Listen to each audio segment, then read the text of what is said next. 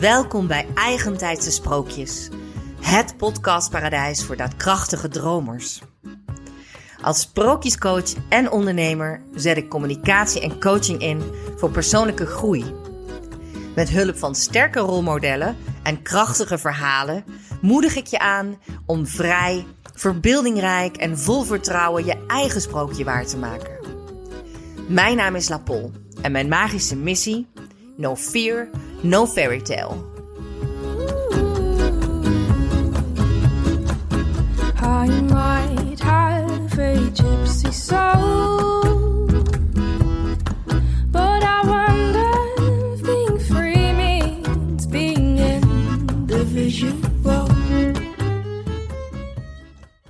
Jawel, jawel. Welkom bij Eigentijdse Sprookjes. En in deze podcast heb ik te gast een hele bijzondere gast weer, Patty Goldstein. Patty Goldstein, ik ken jou van de Mindshift groep. Dat zal een aantal mensen niks zeggen, maar dat is een ontzettend leuk netwerk voor ZZP'ers in Limburg. Wat toffe Limburgse ZZP'ers. Um, uh, maar wil jij jezelf voorstellen? Want jij bent uh, veel meer dan de oprichter van Mindshift. En ik heb jou ook niet voor niks gevraagd. Maar we beginnen met een korte introductie. Ja, ik ben dus Patty Golstein. En jeetje, hoe stel ik mezelf voor? Naast het verhaal dat ik ga vertellen zonder al te veel te verklappen. Um, ik ben 34. En ik eh, ben inmiddels negen jaar ondernemer. En ik heb eh, nu twee bedrijven zelfs. Eentje is Cut the Crap. En daarmee help ik uh, andere zelfstandig professionals hoe te kappen met alle crap in hun business en hun leven.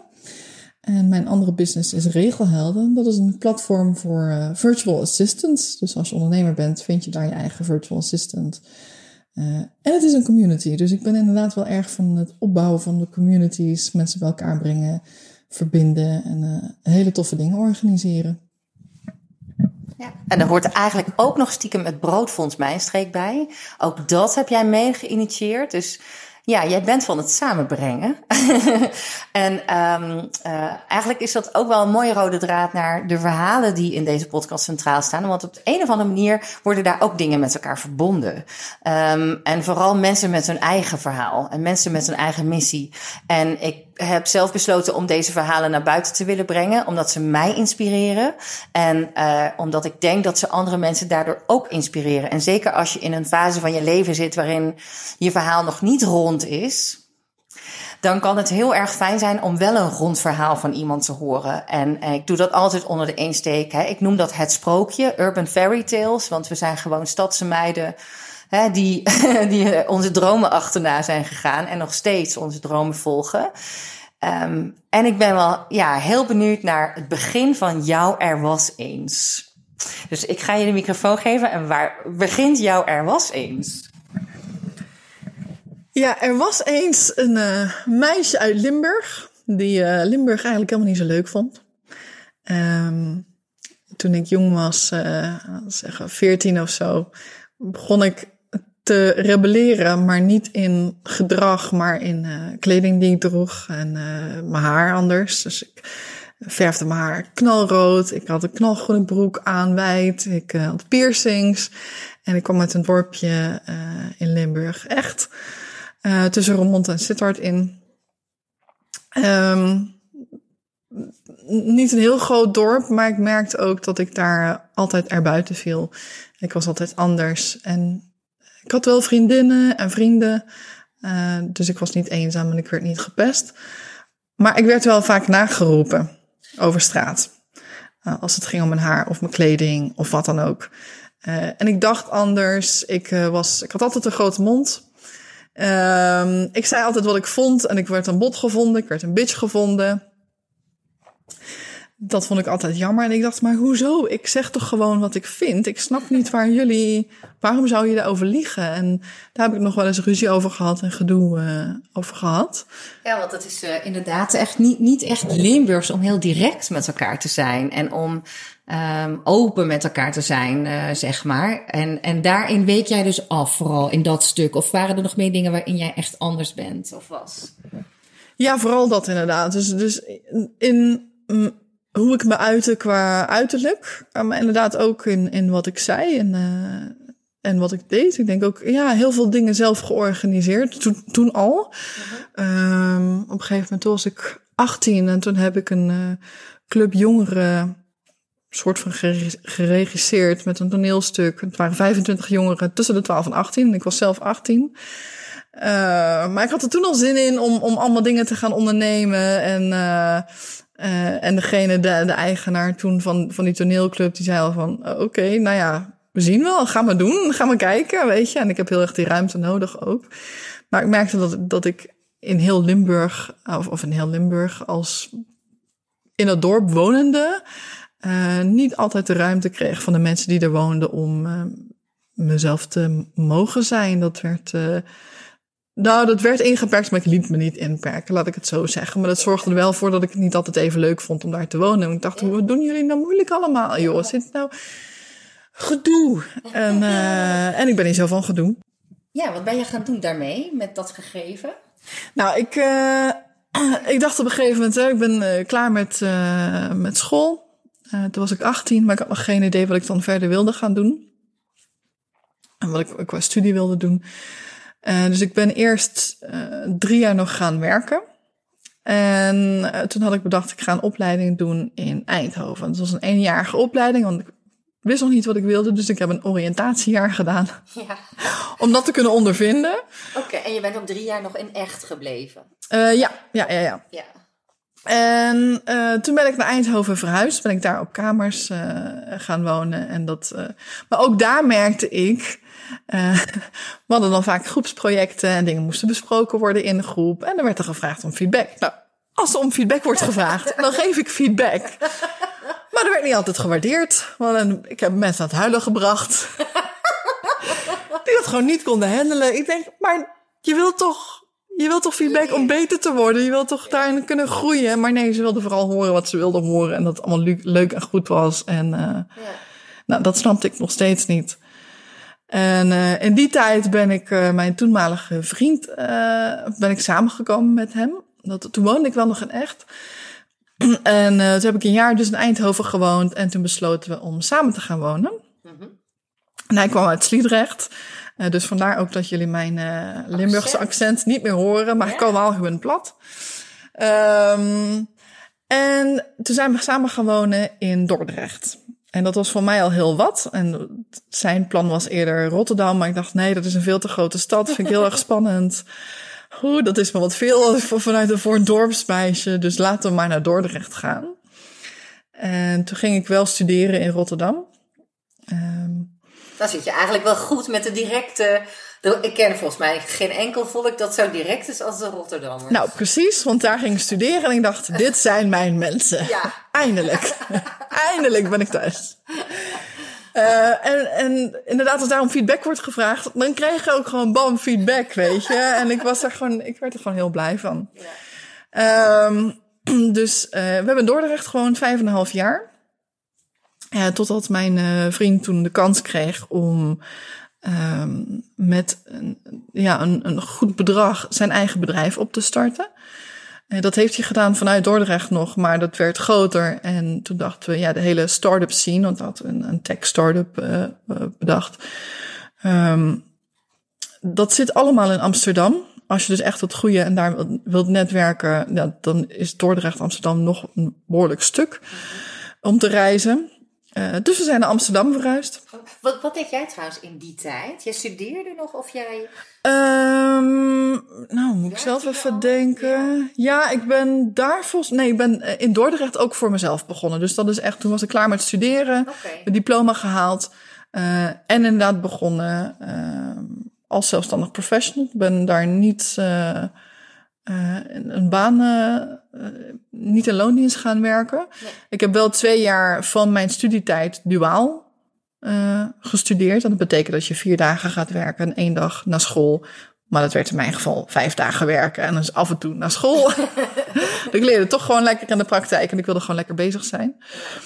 Ehm, maar toen inderdaad naar Amsterdam verhuisd. En eigenlijk vond ik Amsterdam helemaal nooit een leuke stad. Nee, als je Rotterdam en Amsterdam zijn echt heel verschillend. zijn heel verschillend. Ja. Ehm, maar toch naar Amsterdam verhuisd en eh, verrassend eh, wel superleuk. Ik woonde daar in Westerpark. En dat is echt een hele leuke buurt ook. Eh, van alles te doen natuurlijk. En ik merkte toch wel dat ik een soort van stadsmeisje begon te worden. Ehm, en mijn vriend die ging toen zo goed met die start-up van hem. Dat eh, ze werden uitgenodigd in eh, New York. Daar zit een eh, ja, soort mentorship van drie maanden dat je kunt volgen, een heel traject. Techstart heet het. En zij werden ervoor uitgenodigd. En normaal moet je daar selectie voor doen. Dan wordt echt maar een heel klein percentage komt er doorheen. Maar zij werden gevraagd, als een paar Hollandse jongens. Ehm, dus ze kregen de kans om daar naartoe te gaan voor drie maanden. Mochten daar op kosten van de zaak wonen en leven. Wat ik toen echt heel erg tof was. Want dat had altijd op onze bucketlist gestaan. En vooral eh, voor mij, want ik heb echt... Ik keek ook echt wel neer op Nederland eh, en ook op Limburg. Ik dacht, ja, weet je, jullie denken allemaal zo klein en hier valt niks te doen. En eh, de echte wereld is daar in New York. Ehm, en San Francisco stond ook nog wel op ons lijstje, maar New York was dan wel tof. Want ja, die kans kwam voorbij. Dus ja, Ja. Nou, dan pakken we die. Ik herken het wel hoor. Zeg maar de gedachte dat Limburg eigenlijk te klein is. Eh, toen, eh, ik ben met 18 ook gewoon gaan studeren. Overigens ook niet naar de grote stad, want dat vond ik toen te eng. het is heel herkenbaar. En pas in mijn derde jaar van de studie ben ik in Londen en Parijs gaan wonen. Een half jaar. Dus in elk van deze steden studeren en werken. En toen ik terugkwam, dacht ik echt... Ik had gestudeerd in Vlissingen, dacht ik echt... Nou, steek dat eiland in godsnaam af en laat het in de zee drijven. Want wat, wat, doe, wat doe ik hier? Weet je wel, dat was echt de gedachte. Je, kom, je komt toch met een andere mindset in aanraking. En ik vind het wel leuk, want New York is natuurlijk nog... Ja, dat, dat staat volgens mij op ieders bucketlist zo'n beetje. eh, hè, zeker als je ondernemend type bent. En jij noemt het ook altijd, dat vind ik wel mooi... want dat hebben de Amerikanen zelf bedacht. De American Dream. En jij hebt in zekere zin heb jij de American Dream eh, een tijd geleefd. Ja. Maar daar gebeurde ook weer wat. Ja, want eh, ja, ik, ik zat er dus drie maanden en toen was er eigenlijk al sprake van... ehm er is een potentiële kans dat we hier eh, kunnen gaan wonen. Eh, omdat, precies, Ja. ook omdat daar... ehm eh, de wilde mensen echt investeren in hun bedrijf. En in Nederland is dat, dat investeerderslandschap is helemaal niet zo goed. Of tenminste toen, en dat hebben we to- over zes jaar geleden of zo. Ehm, en toen heb ik daar dus met mijn eh, toenmalige vriend over gehad. En gezegd, eh, nou, volgens mij moeten we dan inderdaad die overstap gewoon gaan maken. En ik heb nog een tijdje getwijfeld en gedacht, misschien nog half in eh, Amsterdam, half in New York. Wat echt super luxe klinkt. Ehm, ik dacht, ik ben nog helemaal niet klaar in Amsterdam. Er valt nog genoeg te doen. Maar weet je, en, en met toen hadden we het heen en weer gereisd gedaan met die drie maanden. Dacht ik van, oh nee, als ik dan elk half jaar of elke zoveel maanden heen en weer moet reizen. Dat is te veel gedoe, daar heb ik geen zin in. Dus eh, gewoon helemaal over naar New York. nou ja, hij kreeg dus een visum voor zijn bedrijf. Maar ja, ik kreeg niet zomaar een visum als zijn vriendin. Dus we zijn getrouwd. Puur voor het visum. Ja. Eh, we hadden het ook niemand verteld. Dus de enige getuigen waren ook mijn, eh, mijn zusje en, en eh, een goede vriend van hem. En eh, ja, niemand wist ervan. Nee, Ik heb een geheim leven ook. een geheim omdat ik getrouwd was. dan het geheim. Nou, nee, want dat heeft, was van hele korte duur. Oh. ik, ik heb het. we, nou, we zijn echt in onze spijkerbroek getrouwd. En binnen tien minuten stonden we weer buiten met de getuigen. En toen zijn we daarna nog even gaan lunchen en daarna gewoon weer gaan werken. En eh, ik zei dus tegen mijn man, moet ik dan zeggen. eh, ik zeg, eh joh, zullen we het gewoon op Facebook zetten? Dus ik heb gewoon op Facebook aangekondigd dat we getrouwd waren. En iedereen zo, wat? Maar ze vond het ook wel echt typisch iets voor mij om te doen. Ja, ja. Gewoon zonder, eh, zonder iemand iets te laten weten. Want aan mijn kant wist best verder echt niemand het. Aan zijn kant alleen zijn, zijn moeder en zijn eh, stiefvader geloof ik. En zijn, zijn open oma. Dat was het zo'n beetje. Ja. Klinkt een beetje als een Vegas huwelijk, maar dan. Ja, precies. Maar het was ook echt, weet je, puur praktisch. Omdat ik Ja. anders gewoon niet mee... Want we hadden al die tijd, eh, al die jaren nooit de wens gehad om te trouwen. Dus eh, dit was echt praktisch. Ja. En eh, dus ik heb mijn oma nog gebeld en dat verteld. Zegt, ach, ben je getrouwd? Zeg, ja, ja, ja. Oh, nou ja, ja, prima toch, weet je. Ik had er geen moeite mee. Ja. En mijn moeder heb ik na drie dagen maar eens een appje gestuurd. Ik zeg, mam, je hebt zeker nog niet op Facebook gekeken. Ik zeg, hoezo dan? En dan vijf minuten later, wat? Ben je getrouwd? Maar ook zij vond dat niet erg. Die, eh, ja, die wist dat ik niet per se wilde trouwen. En dat het inderdaad gewoon voor het visum was. Ja, eh. ja. Als je zegt, nou ja, het is wel mooi. Je begon je verhaal met eigenlijk ook te zeggen, ik doe dingen, ik deed dingen toen al anders. ja, dus dit ging ook natuurlijk heel anders dan de meeste mensen dit doen. ja. Of de- Ja, ja, en heel bewust ook, eh, weet je, ik heb zijn naam nooit overgenomen. We zijn op huwelijkse voorwaarden getrouwd met koude uitsluiting. En dat betekent dat, eh, weet je, wat voor jou is, blijft van jou, wat voor mij is, blijft van mij. Er zijn de schulden en de, en de winst, dus, want we hadden allebei een bedrijf. Dus daar wil je ook geen, eh, geen gedoe mee hebben. Dus we hadden hele korte huwelijkse voorwaarden, eh, die gewoon heel helder waren. Van alles blijft van ieder voor zich. Ja. En eh, toen zijn we verhuisd naar New York. Zo. Ja. En iedereen om me, om me heen, weet je, die, die zei ook van... Wauw, nu heb je het gemaakt. Nu ben je de vrouw van de wereld. Wauw, holy shit. En ik dacht, oh ja, ja, ja, ik ga gewoon verhuizen naar New York. Ik weet niet of het nou echt zo fantastisch en zo groot is als, jullie het maken. Maar ja, het zal wel. Ja. En ehm, dus we zijn er naartoe gegaan met, eh, met ieder anderhalve koffer. Meer hadden we ook niet. We hebben gewoon al onze spullen verkocht en weggegeven. En eh, we zit, hebben eerst daar een tijdje in Airbnb's gezeten om daar te kunnen kijken naar een appartement waar we wilden wonen. Nou, dat hebben we uiteindelijk gevonden eh, in Brooklyn. was heel tof. eh, 100, 100 meter onder de Manhattan Bridge. Op de 43ste verdieping. En ze noemden daar de penthouse. Wat echt super eh, fancy klinkt. Maar het was gewoon de bovenste verdieping. Er was helemaal niks anders aan dan de andere verdiepingen. Maar weet je, met een eigen doorman. Hadden een gym in het gebouw. En die, die doorman nam de pakketjes aan. En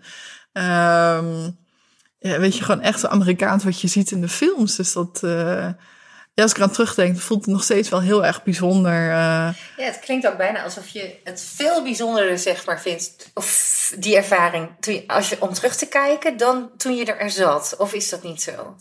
Ehm, ja, ik denk dat andere mensen, weet je, ik ben daar ook erg nuchter in hoor. En ik weet dat mensen om me heen, die hadden echt het idee eh, van, wauw, nu heb je het gemaakt. En ik dacht, hoezo heb ik het gemaakt? Ik ga gewoon verhuizen naar eh, een ander land, naar een andere stad. Ja. Eh, dus ik keek daar wel iets, iets nuchter naar. Want van, ja, ik ga daar gewoon mijn leven hebben. En ik weet nog dat ik op Facebook dan af en toe zat te zeiken over het weer of weet ik het. En dat er ook gewoon mensen zeiden van, oh, dan zit je in New York, dan zit je nog te zeiken. Denk, ja, maar voor mij is het hier het gewone leven, weet je. Dit is ja. niet, het is niet een verlengde vakantie. Nee. Eh, ik woon er. En als je dus in een ander land gaat wonen, dan kom je ineens ook tegen ehm, hoe het daar echt eraan toe gaat achter de schermen. Als je op vakantie gaat, dan zie je alle leuke dingen. Ja. Dan ben je er maar heel kort. Maar ik moest daar dus ook, weet je, mijn zorgverzekering gaan regelen. Dan de zorg, eh, wat echt een bureaucratisch geneuzel is. Hartstikke duur is. Ehm, ook besef dat ik echt een luxe positie zat. Want de helft werd betaald door zijn bedrijf. Eh, maar wij moesten zelf dus ook gewoon eh eh, 500 of 1000 dollar eh, neerleggen. Ja, 500 dollar. Dus betaalde 1000 dollar, wat toen evenveel was als de euro Wauw. Ja. aan zorgkosten.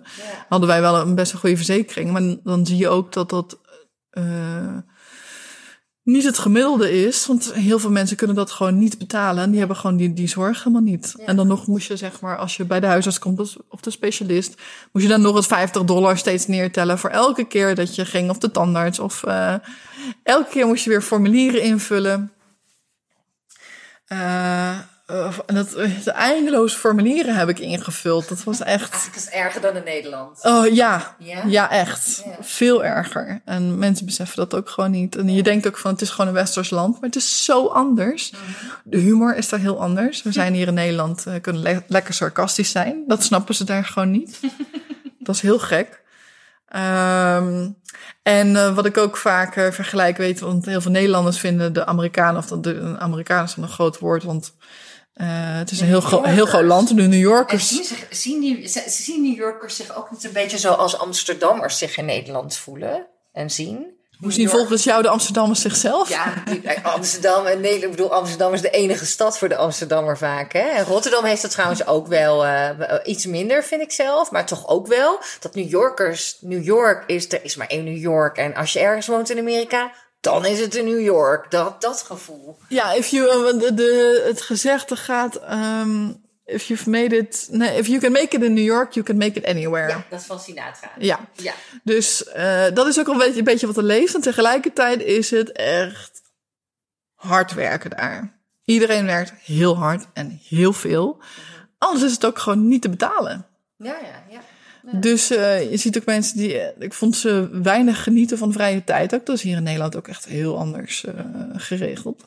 En daar hebben ze ook gewoon geen vangnet, weet je. Dus, dus hier heb je ja, alle sociale verzekeringen, je hebt uitkeringen.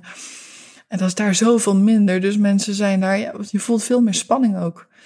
Ehm, en de vergelijking, zeg maar, dus tussen mensen, hoe ze zijn, is dat de New Yorkers. Nederlanders vinden New Yorkers heel vaak nep zo overdreven en enthousiast. En hoe ik het altijd heb vertaald is dat eh, eh, New Yorkers heel goed zijn eh, in enthousiast zijn over waar ze blij van worden, wat er goed gaat. En Nederlanders zijn heel goed in enthousiast zijn over wat er beter kan.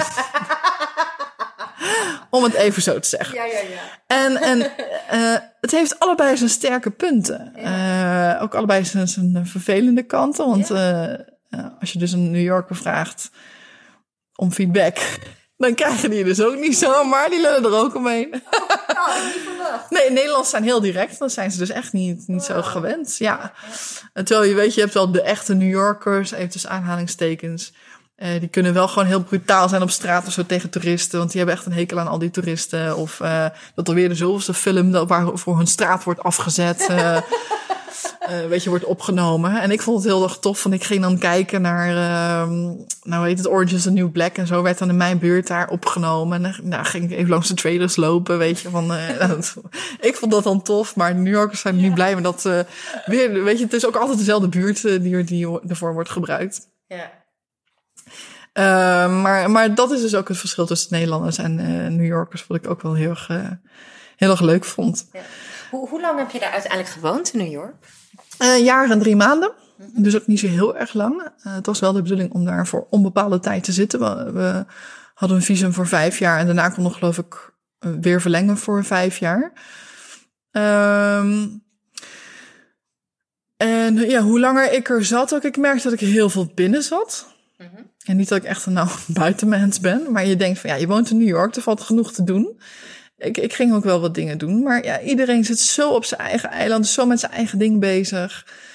Uh, gewoon heel hard aan het werken. Er was dus, vond ik, weinig ruimte om gewoon echt uh, gezellig leuke dingen tussendoor uh, te doen. Um, en er kwam dus een moment inderdaad dat ik thuis zat aan mijn bureau. Ik had uitzicht over heel Brooklyn. Want we zaten net aan de andere kant. Ze hadden niet het mooie Manhattan, de mooie Manhattan view met de andere kant, waarin geen andere wolkenkrabber meer voor zat. Dus ik had echt een wijd uitzicht. Dat was echt heel tof. Maar ik zat daar aan mijn bureau met mijn, weet je, mijn ramen van beneden tot boven, mijn fantastische uh, appartement. En ik keek uit en ik dacht ook, weet je, ik verveel me. Um, ja, dat, en ik ben, ik ben ook minimalist. Dus uh, tenminste, nou, als je nu in mijn huis kijkt, is het misschien niet zo. Ik heb nu een kind, maar, uh, maar ik was toen echt wel minimalistisch. En niet alleen qua spullen, maar ook qua bewuste keuzes in mijn leven. Met, met mensen, met uh, dingen die ik deed, projecten die ik deed, klanten die ik had. en ik merkte dus dat ik eigenlijk alles eruit had gegooid waar ik niet meer blij van werd. Maar ik had het niet opgevuld met dingen waar ik wel blij van werd. Oh, ja. Yeah. Dus ik had daar een beetje, nou niet, niet per se een saai leven, maar niet vervuld. Mm -hmm. Uh, een beetje leeg, een beetje oppervlakkig misschien ook wel.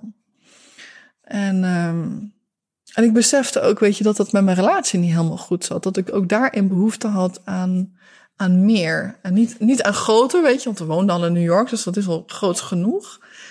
Maar ik zat daar en denk, ja, ik mis mijn vrienden. Ja, ik kan me ook voorstellen met, zoveel, met zo'n harde werkmentaliteit en cultuur... dat je allebei gewoon best wel veel aan het werk bent. Ook elkaar niet veel ziet. En ja, dat kan inderdaad vrij afstandelijk en vrij uh, onvervulling zijn. Ja, kan ik me heel goed voorstellen. Ja, ik merkte ook inderdaad dat, dat mijn, uh, mijn ex-man dan uh, hard aan het werk was. Mm -hmm. En eh, we gingen dan wel, weet je, de traditionele New Yorkse brunch doen op zaterdag of zondag. Dat hoort er een beetje bij, dus dat, dat deden we dan wel. Maar gewoon inderdaad veel aan het werk. En dat was inderdaad echt die mentaliteit daar. En ik dacht van, maar ik wil dat helemaal niet. Ik wil niet continu aan het werk zijn. Ehm, en eh, ja, weet je, dus, dus ik, ik voelde me daarin onrustig. Ehm, ik miste mijn vrienden. Ik miste mijn familie. En dat had ik nooit verwacht. Ik dacht, weet je, ja, screw you Nederland. Eh, ik ga naar New York en ik ga het daar maken. En eh, laat maar zitten, weet je. Eh, maar ik dacht, ik miste echt mijn familie. En dat, ja, daar had ik daarvoor nooit last van gehad. Ik heb nooit last gehad van heimwee. Niet dat ik echt heimwee had, maar... ja, of misschien wel, ik weet het niet. Ehm, en er zit natuurlijk tijdverschillen, maar zes uur. Maar toch, weet je, als het dan 's ochtends negen uur was, dan, dan was het in Nederland al, al drie uur. En dan zit je toch alweer vrij snel aan het einde van die dag. Als je dan nog een beetje met mensen wilt bellen of zo. Ja, ik vond het veel leuk om gewoon koffie te gaan drinken met mensen. Maar dat kan niet. En dan moet je alles via Skype doen. Ja, dat, ja. dat verwatert ook allemaal wel een beetje op een gegeven moment. En ik had daar ook wel zeker vriendinnen. En ik had mensen, ik had coworkmiddagen georganiseerd. Ik had op een gegeven moment veertien mensen bij mij in mijn appartement. Ik heb hele leuke foto's van. Uh, wat superleuk was allemaal. Maar ook dat bleef oppervlakkig. En dat is ook een beetje hoe de New Yorkers daarin zijn. Het is heel moeilijk om daar echte vrienden uh, te maken. Want het heel internationaal is ook. Maar Ja, toch... maar dat- eh, ja. Heb ik, heb ik trouwens in Parijs ook wel gemerkt. Er heeft het sowieso drie maanden, ik heb daar zes maanden gewoond. Het heeft ongeveer drie maanden geduurd voordat we een echte Parijzenaar leren kennen. En dat was onze buurman, kun je Oh. nagaan. Ja, ja, nou, dat bedoel ik. Dus, Ja. dat, eh, dus ik, ik miste mijn familie, ik miste mijn vrienden. Ehm, ja, mijn relatie zat dus ook niet helemaal lekker. Dat, dat, eh, Want jouw vriend had daar ook geen last van. Die was gewoon lekker met zijn werk bezig en die, ja, die ging, zeg maar. ja, ja, die, ja, die was gewoon lekker bezig. En ik zei het wel eh, verschillende keren van, joh, dit is niet hoe ik wil leven. Dit is niet hoe ik het wil doen. Ik wil daar meer, ja, meer verbinding ook. Ik merkte dat ik zelf als persoon aan het veranderen was. Eh, meer behoefte aan, aan warmte en liefde. En ik weet, ik kan me nog goed herinneren dat ik toen die woorden ook helemaal niet gebruikt. Weet je, ik was daarin ook zelf afstandelijk, maar ik, ik, ik werd gewoon echt een ander mens. En ik, ik had echt behoefte aan, aan die verbinding. En dat, eh, dat, dat vond ik met hem niet meer. Dus we waren daarin echt wel uit elkaar gegroeid. Maar ik weet niet of we ooit echt zo super verbonden waren met elkaar. Omdat ik, ja, omdat ik zelf zo'n persoon ook niet per se was. Dus we hadden, we hadden het gewoon hartstikke prima. Het was echt een hele lieve, een lieve man. Ehm uh, maar het was niet meer wat ik, wat ik nodig had. New York was niet meer wat ik nodig had. Uh, ik had echt mijn familie en vrienden nodig. En, en die warmte en verbinding. Ja. En um, Hoe, hoe lang heeft, want dat, dat is ook tof van jou, hè? Je, um, je voelt dat. Ik, ik neem aan dat er wel een tijdje nog tussen heeft gezeten. Maar je bent niet iemand die dan zegt van nou oké, okay, uh, uh, dit is tof genoeg. Ik ben bij mijn vriend. Uh, oh, dan is het maar niet helemaal perfect. Nee. Jij gaat serieus kijken, wat heb ik nodig? Uh, je bent een hele onafhankelijke vrouw, ook nu met, met je kind natuurlijk. Uh, um, ik weet niet of we dat al gezegd hebben, maar je hebt, ja, je hebt een kind, heb je in het begin gezegd. Hè? Dus je, je regelt heel veel zelf. Dus jij gaat daar iets mee doen. Toch? Wat, heb je, wat ben je gaan doen en hoe is daar ontwikkeling ingekomen? Want uiteindelijk ben je natuurlijk terug naar Nederland geraakt. Ja, wat, wat was jouw volgende stap? Ik ben inderdaad weer naar Nederland gegaan.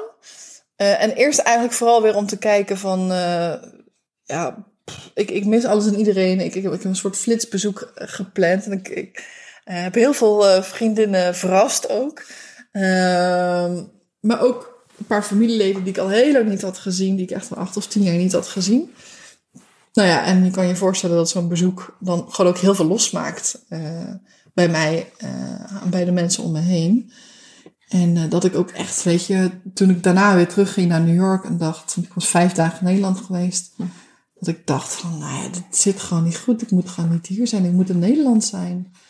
Dus ik had al wel allemaal dingen bedacht van, hoe ga ik dat dan doen? Weet je, ga ik dan uh, inderdaad weer half daar wonen, in, in Rotterdam bijvoorbeeld, en, en half in New York. En dat had ik wel afgesproken toen dan met mijn man. Uh, die had me nog afgezet inderdaad op het vliegveld. En ik ben teruggegaan naar Nederland. En de volgende ochtend werd ik wakker en ik dacht nee. Klopt nee, niet. Nee, het klopt niet. Weet je, ik, ik moet niet terug. Mijn relatie ook niet. En ik heb twee weken later heb ik mijn, uh, ticket geboekt weer naar New York. Ik dacht, ik kan niet een relatie van tien jaar eh, waar we getrouwd zijn verbreken via een appje of Skype. Gelukkig. Echt niet kunnen. Nee, absoluut niet. Eh, dus ik heb eh, mijn ticket geboekt. Ik ben teruggegaan weer naar New York. Eh, daar mijn relatie inderdaad verbroken. Mijn laatste spullen gepakt. En terug naar Nederland gekomen definitief. En ik, ik weet nog ook dat gevoel dat ik de laatste keer zeg maar, uit mijn appartementengebouw in New York liep. En echt... echt weet je, dat Was gewoon... je opgelucht? Ja, echt. een- Ah. ik voelde ineens lucht, ik voelde vrijheid, ik voelde ruimte. En ik had niet beseft dat ik mezelf zo had opgesloten. Dat kwam echt niet door mijn man, weet je. Er is echt niks aan te... En dat had ik echt zelf gedaan en alle keuzes die ik had gemaakt. En het was gewoon niet meer mijn leven. Ja. En ik ben toen, dat was echt 's ochtends vroeg ook, ik geloof vijf uur of zes uur. Gelukkig was daar dan Starbucks open, daar heb ik een tijdje gezeten. daar een vriendin, want ik had mijn terugticket geboekt voor twee dagen later pas. Ik dacht, waar ga ik naartoe? Wat ga ik doen? Ik kan een hotel huren of eh, weet je. maar ik had een vriendin eh geappt daar en daar kon ik gelukkig terecht voor twee nachten. Ach, Die heeft me opgevangen, waar ik heel dankbaar voor ben. En toen ben ik inderdaad teruggegaan naar Nederland. Eh, in Rotterdam gaan wonen, tijdelijk bij een vriendin. waar ik nog drie maanden heb gezeten. Dus weet je, het was heel chaotisch, ook heel onrustig. En tegelijkertijd me, eh, nog nooit zo gelukkig gevoeld in mijn hele leven. Ik voelde ineens, weet je, de warmte van Nederland, van mijn familie, van mijn vrienden. Eh, ik weet nog dat ik in de trein zat vanuit Schiphol naar Rotterdam en dacht, wauw, wat is Nederland ontzettend mooi. Wat hou ik van Nederland. ja. En ik heb dat nooit zo gevoeld, ik heb dat nooit Nou, zo ervaren. Nou, dat is wel grappig van reizen. Eh, Daarom vind ik het zo belangrijk dat je blijft reizen als mens. Want je komt terug en je hebt een totaal andere blik op de plek waar je vandaan komt. Omdat je natuurlijk naar een plek gaat waar het meestal toch heel anders gaat. Zeker als je echt de oceaan oversteekt. Hè, dan heb je toch een beetje cultuurshock of, of in ieder geval cultuuromslag. Eh, dus je gaat alles opnieuw eigenlijk waarderen. Dus dat, dat is mooi dat dat dus gebeurt blijkbaar. Als je weggaat, dan moet je soms eerst letterlijk voor weggaan, op reis gaan. En wat ik ook wel mooi vind in dit verhaal is dat ehm, de buitenkant en de binnenkant. Zo, het lijkt inderdaad van, van ik woon in New York, hè, ik, mijn vriend werkt daar, ik werk daar, ik heb een onderneming. Eh, het- in, wat je zegt, de, de omgeving denkt, wauw, eh, je hebt het gemaakt. Hè, maar dat er zo'n verschil kan zijn tussen die buitenkant en de binnenkant, hoe wij ons voelen over waar we zijn en, en waar we zitten. En dat dus uiteindelijk misschien wel veel belangrijker is, of in ieder geval die twee moeten matchen. Ja. De binnen- en de buitenkant moeten matchen. Ja. Hè, dus, maar ehm, ja, nou, dat is mooi dat je Nederland dus eigenlijk opnieuw bent gaan waarderen. Maar je bent wel in eerste instantie in Rotterdam terechtgekomen en niet nog hier naartoe. Ja. Ja, want ehm, ik had al die tijd nog de wens om ooit toch eens in Rotterdam te gaan wonen. Want dat voelde wel als de stad voor mij. en, eh, ik weet, en mensen hebben me ook nog gevraagd toen ik terugkwam van heb je niet het gevoel dat je hebt gefaald? Eh, mooi, ja. Schijnbaar hebben andere mensen dat dus. Ja, ja. Ik heb daar geen last van gehad. Want ik dacht, weet je, het klopt gewoon niet meer. Dit is niet mijn plek. Ik heb het geprobeerd. Ik heb het, kan het van mijn bucketlist afstrepen. Eh, dat was niet waarvoor ik het deed. Want ik, ik had wel echt wel de intentie om daar voor langere tijd te zitten. En dat was het gewoon niet. Ja. Het klopte niet meer. Eh, Dus ik heb nooit het gevoel gehad dat ik heb gefaald. Ik heb nooit spijt gehad dat ik mijn relatie heb verbroken. Ik kon gewoon niet meer anders. Ik weet nog dat ik oh, toen in het vliegtuig zat, dus toen ik eh, echt mijn relatie zou gaan verbreken. Dat waren langste zeven uur van mijn leven. Oh ja. Oh, maar ik kon niet slapen. Ik was, voelde zo'n spanning en hartkloppingen in mijn lijf. Maar ik dacht echt van dit moet gebeuren. Ik vind het erg verschrikkelijk om dit te moeten doen. Maar dit moet gebeuren, want het, het, eh, ik hou mezelf voor de gek en, en hem als ik daar ga zitten. Ja. Dus maar ik ben inderdaad weer teruggekomen naar eh, Rotterdam. Want ik vind Rotterdam gewoon echt fantastisch. en ehm, eh, ja, echt verliefd op Rotterdam ook. en eh, ehm, ja, en toen eh, waren er wat persoonlijke omstandigheden in mijn leven. Ik kwam ook mijn, mijn jeugdliefde weer tegen. En, ehm, en die heeft een dochter. En hij woont in Sittard, waar ik hem ook heb ontmoet. En toen dacht ik, dan eh, moet ik misschien maar gaan verhuizen. Naar Sittard, naar Limburg. en dus ik heb die keuze inderdaad gemaakt op een gegeven moment. En zoveel mensen om mij heen. echt, Nou, iedereen moet ik wel zeggen. Eh, en die jeugdliefde, eh, die inmiddels dan mijn vriend was geworden. Mijn familie, mijn oma, die verklaarde me voor gek. Die zegt, Betty, jij kan het toch nooit aarden hier in Limburg? Dat, dat is toch niks voor jou, weet je? En andere vriendinnen ook. Maar je bent toch een stadsmeisje, je woont toch in de stad? Je moet toch, eh, weet je, de, de hassel en bossel, zeg maar, van... eh, eh, grote stad. van de grote stad, van de Randstad. En ik dacht, ja, maar weet je, als het me daar niet bevalt, eh, ga ik wel weer terug naar Rotterdam. Of ga ik ergens anders wonen? Ja, Ja. only one way to find out. En Ja. dat is wel een beetje een van mijn motto's. Mhm. Eh, dus dat heb ik gedaan. Eh, dat is nu... Nou, het scheelt dat je hier vandaan komt. Ik denk dat de stap groter was geweest als je nooit hier vandaan was gekomen. En ja, ja, toch? ja, absoluut. Ja, want dan, dan was het iets anders. Want dan was het, was het weer een hele nieuwe omgeving. Hoewel Utrecht ook nog wel is ergens eh, in mijn achterhoofd op mijn bucketlist staat om ooit een keer te wonen. Dat vind ik ook een hele leuke stad. Ehm, maar inderdaad, dus naar, naar Sittard verhuisd. eh, want daar ben ik ook geboren. En ik voelde me meteen op mijn plek. En dat had niemand verwacht. Jij zelf ook niet? Of? Nee, niet, niet in die mate. Dat ik me gewoon hier echt eh, thuis voel. Ja. Dit is een beetje, het, het, het voelt, het, waar jij het in het begin over had, de cirkel is rond. Het verhaal is rond. Nou, ja. Ik had ook zo'n behoefte, weet je, want ik was natuurlijk altijd overal naartoe verhuisd. Eh, mensen zagen mij als een heel avontuurlijk persoon. Eh, weet je, alles voelde als tijdelijk. Mhm. En ik had op een gegeven moment zo'n behoefte om te settelen. Ah, ja. Om gewoon op één plek te zijn, om die als basis te hebben en niet steeds het gevoel te hebben dat ik er tijdelijk zat en weer weg moest na een tijdje. Ik had echt behoefte aan ook verbinding daarin Ja, ja. met mijn omgeving. Ja. En dat werd in dit geval Sittard. Want ja, dat was een beetje de enige stad in, in Limburg die mij dan trekt. Ik heb niks met Rotterdam, of met de Roermond. En eh, Maastricht vind ik dan net iets te... Hoe ga je het aardig zeggen? Zeg maar niet aardig. Nee, nee, het, het, toch een beetje te elitair. Ja, ja, ja. Ja, dat is En helemaal. En Heerlen vind ik ook. Daar kwam, kom ik nu pas later achter dat het een hele toffe stad is. Ik Daar had vind ik. het eh, het Rotterdam van eh, Limburg. ja, trouwens. is het eigenlijk ook. In Ja. Berlijn wordt het ook wel genoemd. Oh ja. Ehm, maar dat, dat, daar kom ik nu pas achter dat Heerlen eigenlijk wel een toffe stad is. Maar dat was, Was het toen, ook niet hoor. Nee, precies. Nee. Toen nog bekend als. eh, nee. Dus, eh, maar ja, weet je, Sittard is, eh, voelt wel als mijn, mijn thuis. Ja. En nu heb ik samen dus ook met mijn vriend een kindje. Die is nu acht maanden, Boas. Mhm. En dat voelt dus nu echt als settelen. En, en toevallig, toevallig ben ik afgelopen vrijdag en zaterdag weer naar Rotterdam geweest. Mhm. Eh, voor het eerst in een jaar weer. En nu ook met die kleine, die had ik meegenomen. En ik, weet je, ik kwam daar dus ook eh, aan op het station. En ik loop zo naar buiten en ik dacht echt zo... Oh man, ik mis Rotterdam. weet je, maar ik voelde me ook meteen weer thuis. Weet je. Het- Rotterdam is echt mijn andere, mijn home away from home. Dat is mijn Ja, andere ja. stad waar ik me thuis voel. Ja. En ik had, weet je, ja, ik werd er gewoon emotioneel van. Ik voelde ook echt mijn buik, een beetje hartkloppingen. En de hele tijd dat ik daar rondliep, dacht ik, oh mijn god, weet je, moet ik dan hier wonen? Ik dacht, ja, ik zou ook mijn kind niet willen opvoeden zonder mijn familie eh, om me heen. En de vrienden die ik inmiddels hier allemaal heb gemaakt. De communities die ik heb opgebouwd eh, in Limburg. Ja. En toen kwam ik ook weer thuis eh, de volgende dag. En toen dacht ik, oh nee, dit is thuis.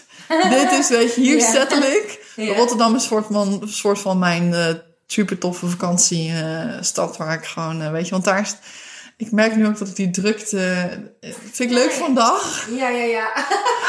maar niet meer voor een week. ja. En, en hier is het een stuk rustiger. En eh, ja, ja, dit voelt gewoon als thuis. En ik heb hier iedereen in de buurt en mijn dingen. En, eh, ehm, en iemand vroeg me dus ook inderdaad van... Ja, maar Betty, je bent zo'n avontuurlijk persoon. Ehm, Nou, het is volgens mij ook... het- Je bent niet, denk ik, in één keer niet meer een avontuurlijk persoon. En volgens mij kun je avontuurlijk ook op heel veel manieren invullen. Nou, precies. Mensen denken dus dat ik zo'n reislustig type ben. Wat ik echt totaal niet ben. Ik vind reizen helemaal niet leuk. Op een andere plek zijn wel. Eh, maar ik heb nu ook echt helemaal niet de behoefte bijvoorbeeld om met Boas ver op vakantie te gaan ergens toe. Helemaal geen zin in. Ja, boa, boa. Ja, precies. Nee, ik vind, weet je, ik vind het hier al gewoon eh relax genoeg. eh, vakantiegevoel, zeker in de zomer als het zo warm is. Ehm, dus ja, ik heb die behoefte niet meer om, om ver weg te gaan, om avontuurlijk te zijn in dat opzicht. Ik vind het al avontuurlijk genoeg om met een kleine vanochtend op voor het eerst op de fiets te gaan. dat is even alle avonturen die ik nodig heb hoor. Dat is, dat is inderdaad. Ook kinderen krijgen is toch lijkt mij een behoorlijk avontuur. Dus het is, want ik zie jou nog steeds als een avontuurlijk persoon. En eh, juist omdat jij eh, gewoon. v- nou ja, gewoon is het misschien niet. Misschien is het voor jou gewoon. Maar dingen doet waar jouw hart naar uitgaat. Dat je voelt van, hé, hey, zit ik hier nog goed op mijn plek? Dat je durft te kijken naar waar je zit. Ehm, als, dat je ook eerlijk durft te zijn als het niet meer zo is. Dat je dan gewoon daar je conclusies uit trekt. Ik vind dat mega avontuurlijk en heel authentiek eh, hoe je leeft en hoe je werkt ook. En ehm, wat eigenlijk ook wel mooi is, juist omdat je bent weg geweest, neem je ook weer heel veel waarde mee terug hè, naar, naar Limburg. Want de community die jij met Celine hebt opgezet, Celine van de Poelboom, die, eh, of van de Boompoel, wat is het nou? Is het Eh, poel van de boom. Poel van de Boom. Die, ja, die was er ook nog niet. Hè? Ehm, dus je hebt ook heel veel, je, je neemt heel veel waarde mee. En ik zie jou echt als iemand die ook zichzelf blijft ontwikkelen, zodat je waarde kan blijven toevoegen. Hè? Dus, eh, maar, het is wel mooi, ja, het verhaal in die zin is rond. Je bent weer, dat Limburgse meisje is terug, maar je bent niet meer hetzelfde meisje.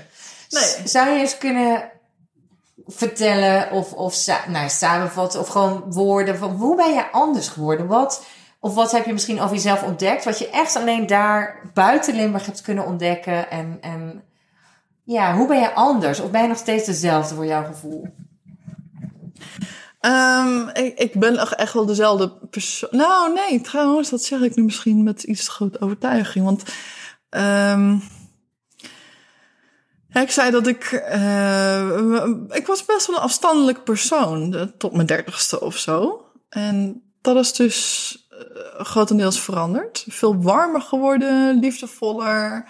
Knuffel mensen ook. Dat was toen echt een no-go. Dat deed ik echt niet. Nee. Nee. Ehm, dus, dus dat is er sowieso veranderd. Ehm, maar veel rustiger ook. Ik had altijd het gevoel dat ik de wereld wilde ontdekken. En overal naartoe wilde en alles moest doen. En dus inderdaad, alles was tijdelijk. En ik heb dus totaal niet meer die behoefte om overal naartoe te gaan. Dus ik ben daarin ook in mezelf gesetteld en, en rustig geworden.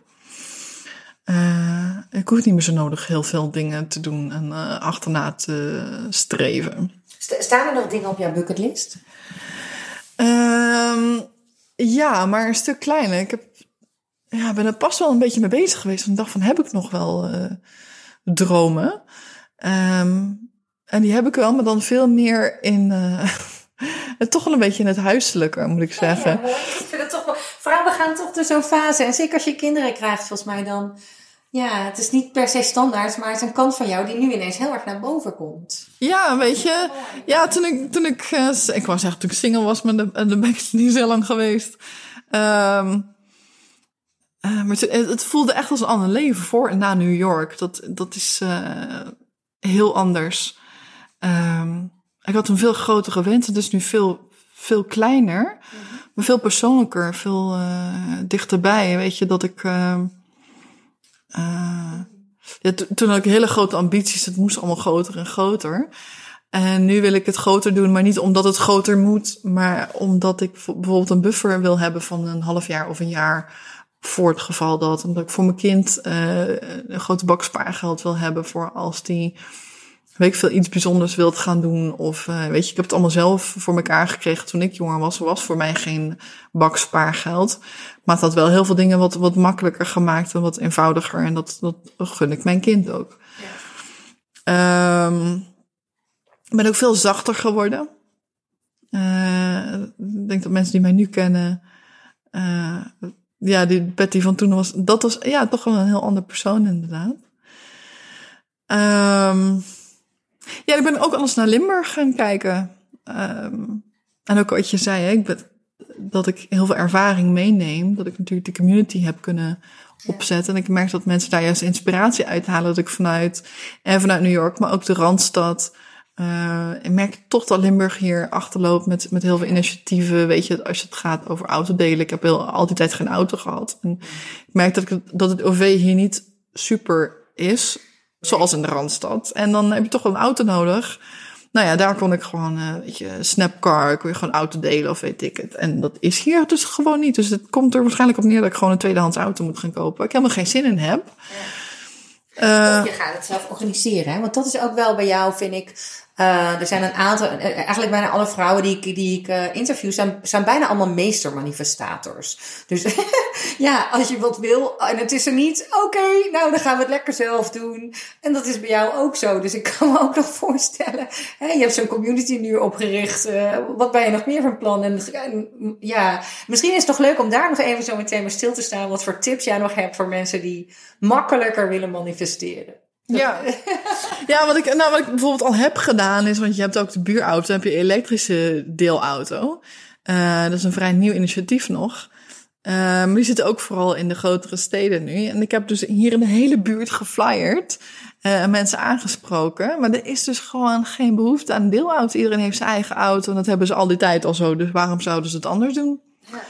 Dus eh, ja, dat mis ik nog af en toe om dat soort dingen van de grond eh, te krijgen, om die mindset. Maar ik merk wel dat het onder ondernemers eh, wel heel goed lukt. Want het moment dat ik de community had opgezet met Celine en het Mindshift Festival heb georganiseerd. Dat de eerste keer kwamen daar geloof ik iets van 70 mensen of zo op af. Dat ik meerdere keren heb gehoord van, oh eindelijk eindelijk heb ik mijn mensen gevonden. Mensen die op een andere manier denken, op een andere manier werken, op een andere manier leven. En ook eh, dingen anders willen organiseren. Niet per se waar er heel veel geld aan omgaat. Of eh, niet allemaal strak in het pak. Maar waar ik gewoon mezelf kan zijn. En gezellig. Eh, weet je, op een hele informele manier eh, kan zaken doen. Zaken doen klinkt alweer Klinkt heel niet. formeel. Ja, ja. Maar dat was ook, weet je, het, het mooie. En, en daar eh, uit die community zijn nu wel zoveel nieuwe initiatieven en samenwerkingen ontstaan. Ehm, en we organiseren inderdaad van alles en nog wat. Dus ja, dat vind ik al heel erg leuk dat ik dat heb mee kunnen nemen. Dat ik dus nu zie dat ik niet meer zo buiten de boot val. Maar dat juist mensen zien van, oh, zij heeft wat meegemaakt, zij heeft wat dingen gedaan. Zij heeft andere input, andere ideeën, andere creativiteit, andere energie. Ja. Wat kunnen we daar uithalen? Wat kunnen we daarmee doen voor, eh, voor Limburg of voor de ondernemers of, eh, of wat dan ook? Dus, dus eindelijk komen al die kwaliteiten eh, van pas Ja, en maken mooi. mensen er gebruik van. Ach, die vallen ook op zijn plek. Ja. Ja, ja, dat is ook dat. gaaf. Ja. Dus, ehm ja, dus eigenlijk wat dat betreft is er heel veel veranderd. Ja, Alles, ja, alles is eigenlijk anders geworden. Ja. Alles, al- ja. Ben je gelukkig? Ja, ja. Ja. Ja, ik zit hier gewoon echt goed op mijn plek. Uh-huh. Eh, ik ben heel blij met mijn kind. Dus het is ook echt een uitdaging. Het is echt niet zo makkelijk. Weet je, want ik wilde echt al drie jaar heel, heel, heel graag een kind. Tot jankens aan toe. Ehm, dus ik ben heel blij eh, dat ik hem heb. Maar er zijn ook gewoon echt momenten dat ik denk, oef, het is wel heftig. Eh, je hebt niet meer zomaar je vrijheid. Ik wil niet zeggen dat al mijn vrijheid is ingeperkt. Want het is ook maar net hoe je dingen zelf organiseert. Maar ehm, ja, dit is wel echt een eh, ander leven. Het is niet meer, weet je, eerder kon ik gewoon eh, werken wanneer ik wilde. Eh, en dat deed ik dan ook. Eh, en dan gaat het nu niet meer zo. Maar ja, ik, ik stem mijn dingen af. Maar ja, ik, ik, ik wil, die keuze maak ik ook. Ik wil niet gaan zitten werken als hij hier zit te spelen Nee. thuis. Dat is wel leuk, want jij bent inderdaad jij bent bezig met de 21-urige werkweek. Ja. Hè? Dat is heel dapper, ja. en volgens mij is het zelfs alleen aan landen, Scandinavische landen, is het officieel eh, een soort streven en, en zelfs ingesteld dat daar hè, werken, werken is één. En zeker als je ondernemer bent, dan kan je bijna altijd wel aan het werk zijn. Je bent ook voortdurend, vind ik, met dingen, hè, met plannetjes of brainstormen of met mensen die je tegenkomt. Maar ja, 21-urige werkweek. Eh, wat voor dingen onderneem jij daar nu bijvoorbeeld in? En misschien kunnen we daarin de link maken ook naar nog wat manifestatietips die je hebt. Eh, want op de een of andere manier, het lukt misschien nog niet helemaal, maar je bent wel goed op weg. En überhaupt al dat als doel hebben, pas, zet het maar neer, weet je wel. En kijk hoe Ja. ver we komen. Ja. Ja, mijn kind die gaat dus nu drie dagen naar de opvang. Eh, en dan zou je zeggen, weet je, dat zijn dan... eh, ja, hij is acht uur op de opvang in totaal. Eh, Dat zijn 24 uur. Maar ja, goed, je hebt nog reistijd. Ik geef borstvoeding, dus ik moet kolven. Eten klaarmaken. eten opeten. Eh, dingen regelen af en toe voor mijn kind. Eh, de, de postbode die af en toe langskomt eh voor pakketjes. Ik moet wassen. Nee, strijken doe ik niet. Maar dingen opruimen, weet je. En dat gaat allemaal van die uren af. Dus ja, ik zei inderdaad een 21 uur werkweek. Maar dat ja, komt er uiteindelijk neer op ja, soms misschien maar 12 uur of 15 uur. Maar dat is echt te weinig Ja. Om nu nog dingen voor elkaar te krijgen. Dan moet ik echt, weet je, toewerken naar die buffer van, van een half jaar of een jaar vooruit. Ja. En ik heb dan ook zo'n systeem eh, opgebouwd qua financiën. Profit First heet het. Helemaal, helemaal wild van. Koop het boek. Ehm, of lees mijn blog. Ehm, waardoor ik zeg maar allemaal potjes eh, heb voor allerlei spaardingen. Dus eh, als ik mijn inkomen wil binnenhalen, dan heb ik ook meteen alle leuke dingen meegeteld. Maar ook pensioen, dat soort dingen. Dus als ik dat optimaal wil hebben en die buffer opbouwen, moet er gewoon een flinke bak geld binnenkomen. En dat, dat zoveel geld haal ik nu gewoon nog niet binnen. Eh, ja, ja, dan kom je toch wel aan wat bedragen. En dat betekent vooral slimmer werken. Dus ik werk sowieso niet uurtje factuurtje. Eh, kijk, en als je in loondienst werkt, dan kun je dat misschien nog iets makkelijker zeggen. Zeker als je met iemand samenwoont, eh partner, waar je twee inkomens hebt, dan vallen dingen makkelijker te regelen. Je betaalt samen de huur. Maar ja, ik betaal al die dingen zelf, dus dat, dat komt er nog eens eh, bovenop. En daar, daar kies ik nu ook zelf voor.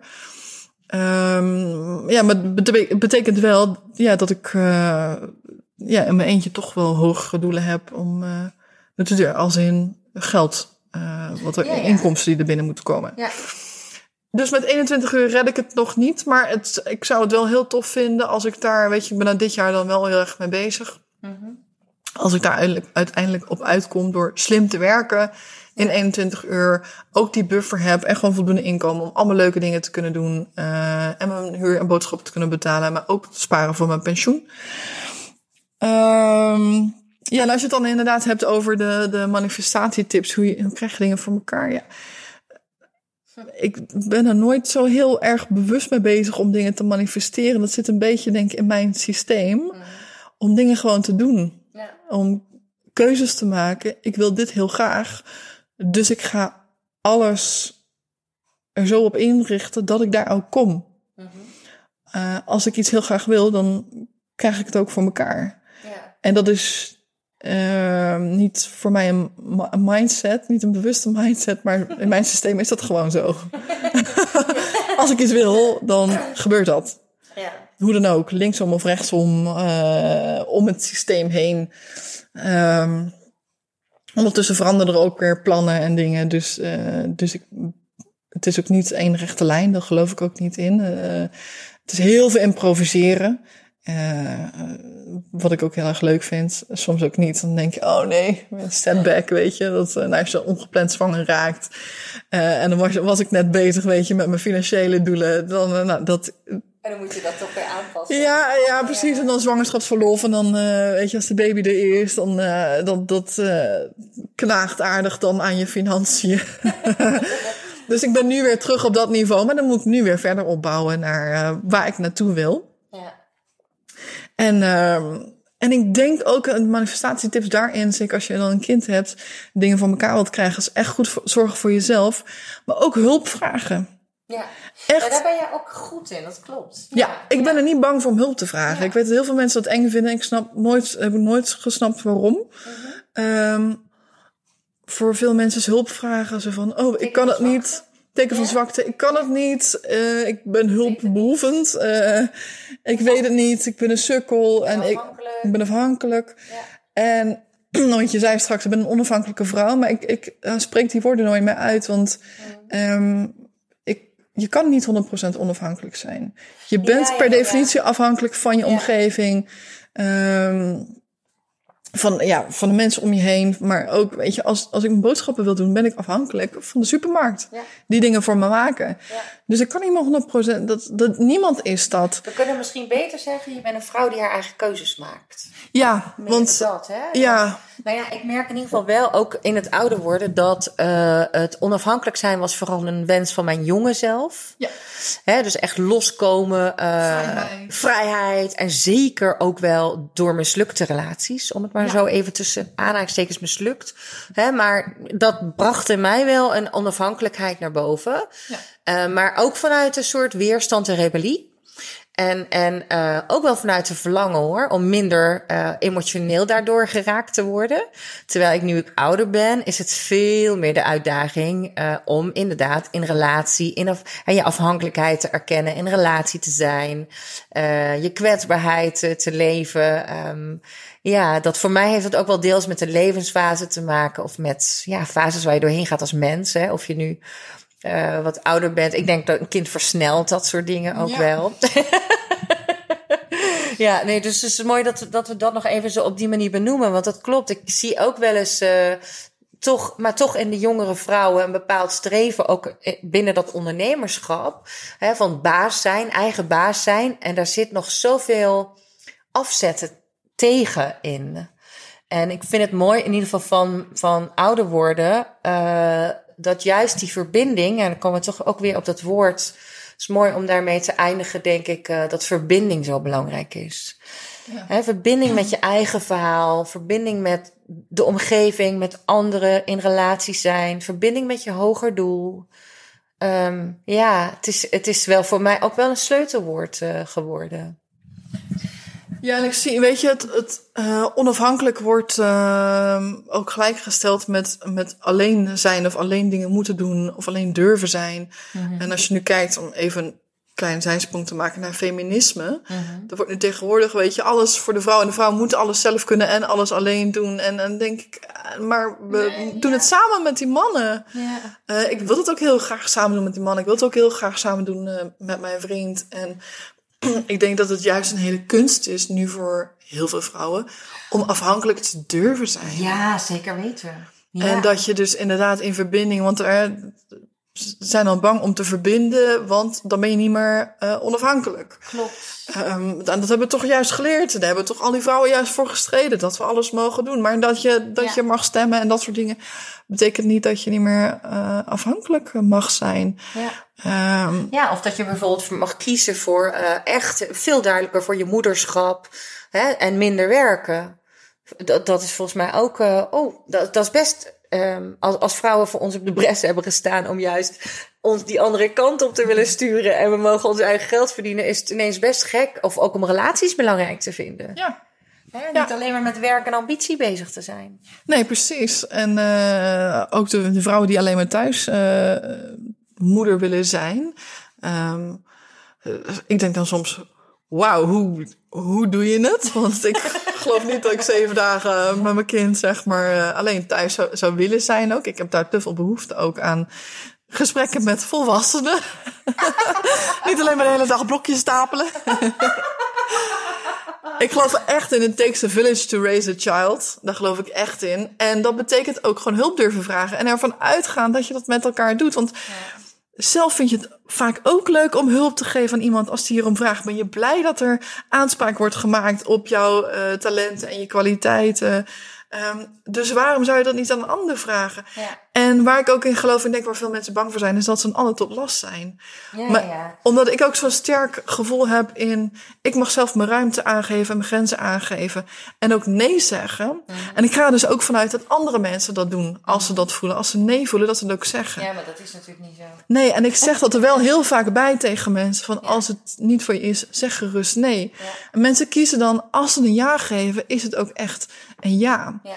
Eh, en als je dus zelf die ruimte durft te geven aan andere mensen en ervan uitgaat dat mensen eh, een nee durven zeggen, Mhm. is het ook veel makkelijker om hulp te vragen. Want dan ben je iemand niet tot last. Want als ze zelf ja zeggen, ja, dan willen ze het ook echt. ja, of het voelt toch als last, dan ligt het bij hun. Dat is Ja. dan hun verantwoordelijkheid en niet die van mij. Dus ik voel me daar dan nog niet zo schuldig over. Ja. Eh, als mensen iets tegen hun zin doen, dan denk ik van, nou, nou had je gewoon nee moeten zeggen. Dat is heel simpel. Dus eigenlijk is het een combinatie van aan de ene zijde sowieso hulp vragen is heel handig in manifesteren. Hè? Doen, om hulp vragen, en, maar ook tegelijkertijd communiceren. Dus zeggen wat je wel en niet fijn vindt. Ja, en niet dat geëikel. oh, hier hier kan ik nog eh, vijf podcasts over vullen. Niet dat geëikel van vrouwen die vinden dat een man maar moet aanvoelen dat ze een bloemetje nodig hebben of een knuffel nodig hebben of een beetje aandacht. Denk, zeg dan gewoon, zeg schatje, wil je me alsjeblieft even knuffelen? Ik heb aandacht nodig. En Ja. mijn vriend en ik kunnen dat allebei naar elkaar toe. En heb je veel minder gedoe op dat gebied. Cut the crap. Ja, cut the crap, weet je. Dat is echt niet nodig om daar... Oh, ik kan daar echt... Ja, nou ja, dan kun je... Misschien moet je zelf ook een podcast beginnen. Ja, precies. Nou, ik ben al begonnen daaraan. ik heb wel een paar eh, afleveringen staan. Maar ja, ik heb een kind, dus dan heb ik niet altijd tijd om dingen uit te werken. en Nieuwe afleveringen te maken. Ja. Maar, eh dus is ook heel bewust daar inderdaad keuzes maken. Maar eh, ja, je kan zoveel gedoe bes- besparen door inderdaad gewoon heel duidelijk te zeggen: dit is wat ik wel wil en dit is wat ik niet wil. En we zijn er zo moeilijk in. en ik hou, no- nogmaals, ik hou niet van gedoe. Nee. Dus bespaar jezelf gedoe door eh, gewoon open en eerlijk te zijn. Dit is wat ik nodig heb. Hier heb ik behoefte aan. Kun je dit voor me doen? Als het nee is, is het nee. Regel ik het zelf. Regel ik, op, regel ik het op een andere manier. Ja. Eh, dan doen we het zo. Ja. Nou, mooi. Ik zou zeggen, eh, dit is eh, een mooi advies om mee af te sluiten. Ja, heel erg hartelijk dank voor je verhaal. Ik vind het een heel inspirerend verhaal. Ik hoop eh, de mensen die het luisteren ook, dat ze er gewoon praktisch wat aan hebben, maar ook gewoon meer emotioneel iets aan kunnen hebben. Herkenning of troost of hoop of wat dan ook wat ze eruit halen. Dus eh dankjewel. En misschien nog even fijn, waar als mensen iets meer over jou willen weten, waar moeten ze dan naartoe? Dat is pattygolstein.nl. En regelhelden.com. Is mijn andere eh toko, om het zo te noemen. Maar op pattygolstein.nl vind je mijn hele blog vol met allerlei cuttercrap eh tips. Eh, je kunt je inschrijven voor mijn Pattypost. Nou, schrijf ik tegenwoordig iets minder op, want ik heb een kind, ik heb maar 21 uur om te werken. maar ook daarin ben ik bezig met veel meer uitbesteden, dingen slimmer eh, op te pakken. Dus ook daarin gaat weer veel meer eh, gebeuren. Maar eh, daar vind je mij terug. En op Facebook ben ik actief en op LinkedIn kun je Yes. mij ook vinden. En op Instagram weer eh, sinds kort. Ja, dat is helemaal hot, hè? Instagram. Ja, het was, het was er weer uit en ik was er weer vanaf. En ik ben weer terug. En eh, we zien het wel. Alles, het leven is één groot experiment. dat is het. Dat is mijn, eh, mijn grootste motto. Dat zo hou ik het eenvoudig. Zo wordt niet alles een hele hoge lat. En zo hoeft het niet allemaal perfect te zijn. Eh, alles is een groot experiment. Dus ik geef mezelf alle ruimte om dingen lekker uit te proberen. En eh, als ik een keuze heb gemaakt, dat ik die ook weer kan terugdraaien. Of een andere keuze kan maken. Een ander pad kan inslaan. Ja, dat is heel mooi, want dan hou je tenminste je eigen sprookje in stand. Ja, absoluut. Hè, het gaat om onze eigen droom uiteindelijk. We moeten zelf gewoon happy zijn, willen we het lang en gelukkig eh, kunnen doorgeven. Dus eh, dan moet je het zelf verleven. Ja, Nou, thanks. graag gedaan.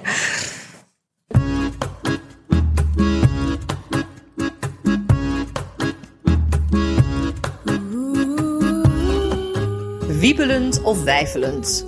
Krampachtig of krachtig. Het maakt niet uit hoe je het doet, als je maar gaat voor je dromen. Maar lieve luisteraar, voor deze podcast is het dit. Volgende keer heb ik een nieuwe gast. Voor nu wil ik je bedanken voor je tijd en voor je aandacht. En wil je nou iets meer weten over sprookjesbranding, over heldinnenwerk, over mij, over mijn gasten, maar eigenlijk nog het allerliefste over jouzelf? Kijk dan op www.lappol.nl. Tot de volgende podcast.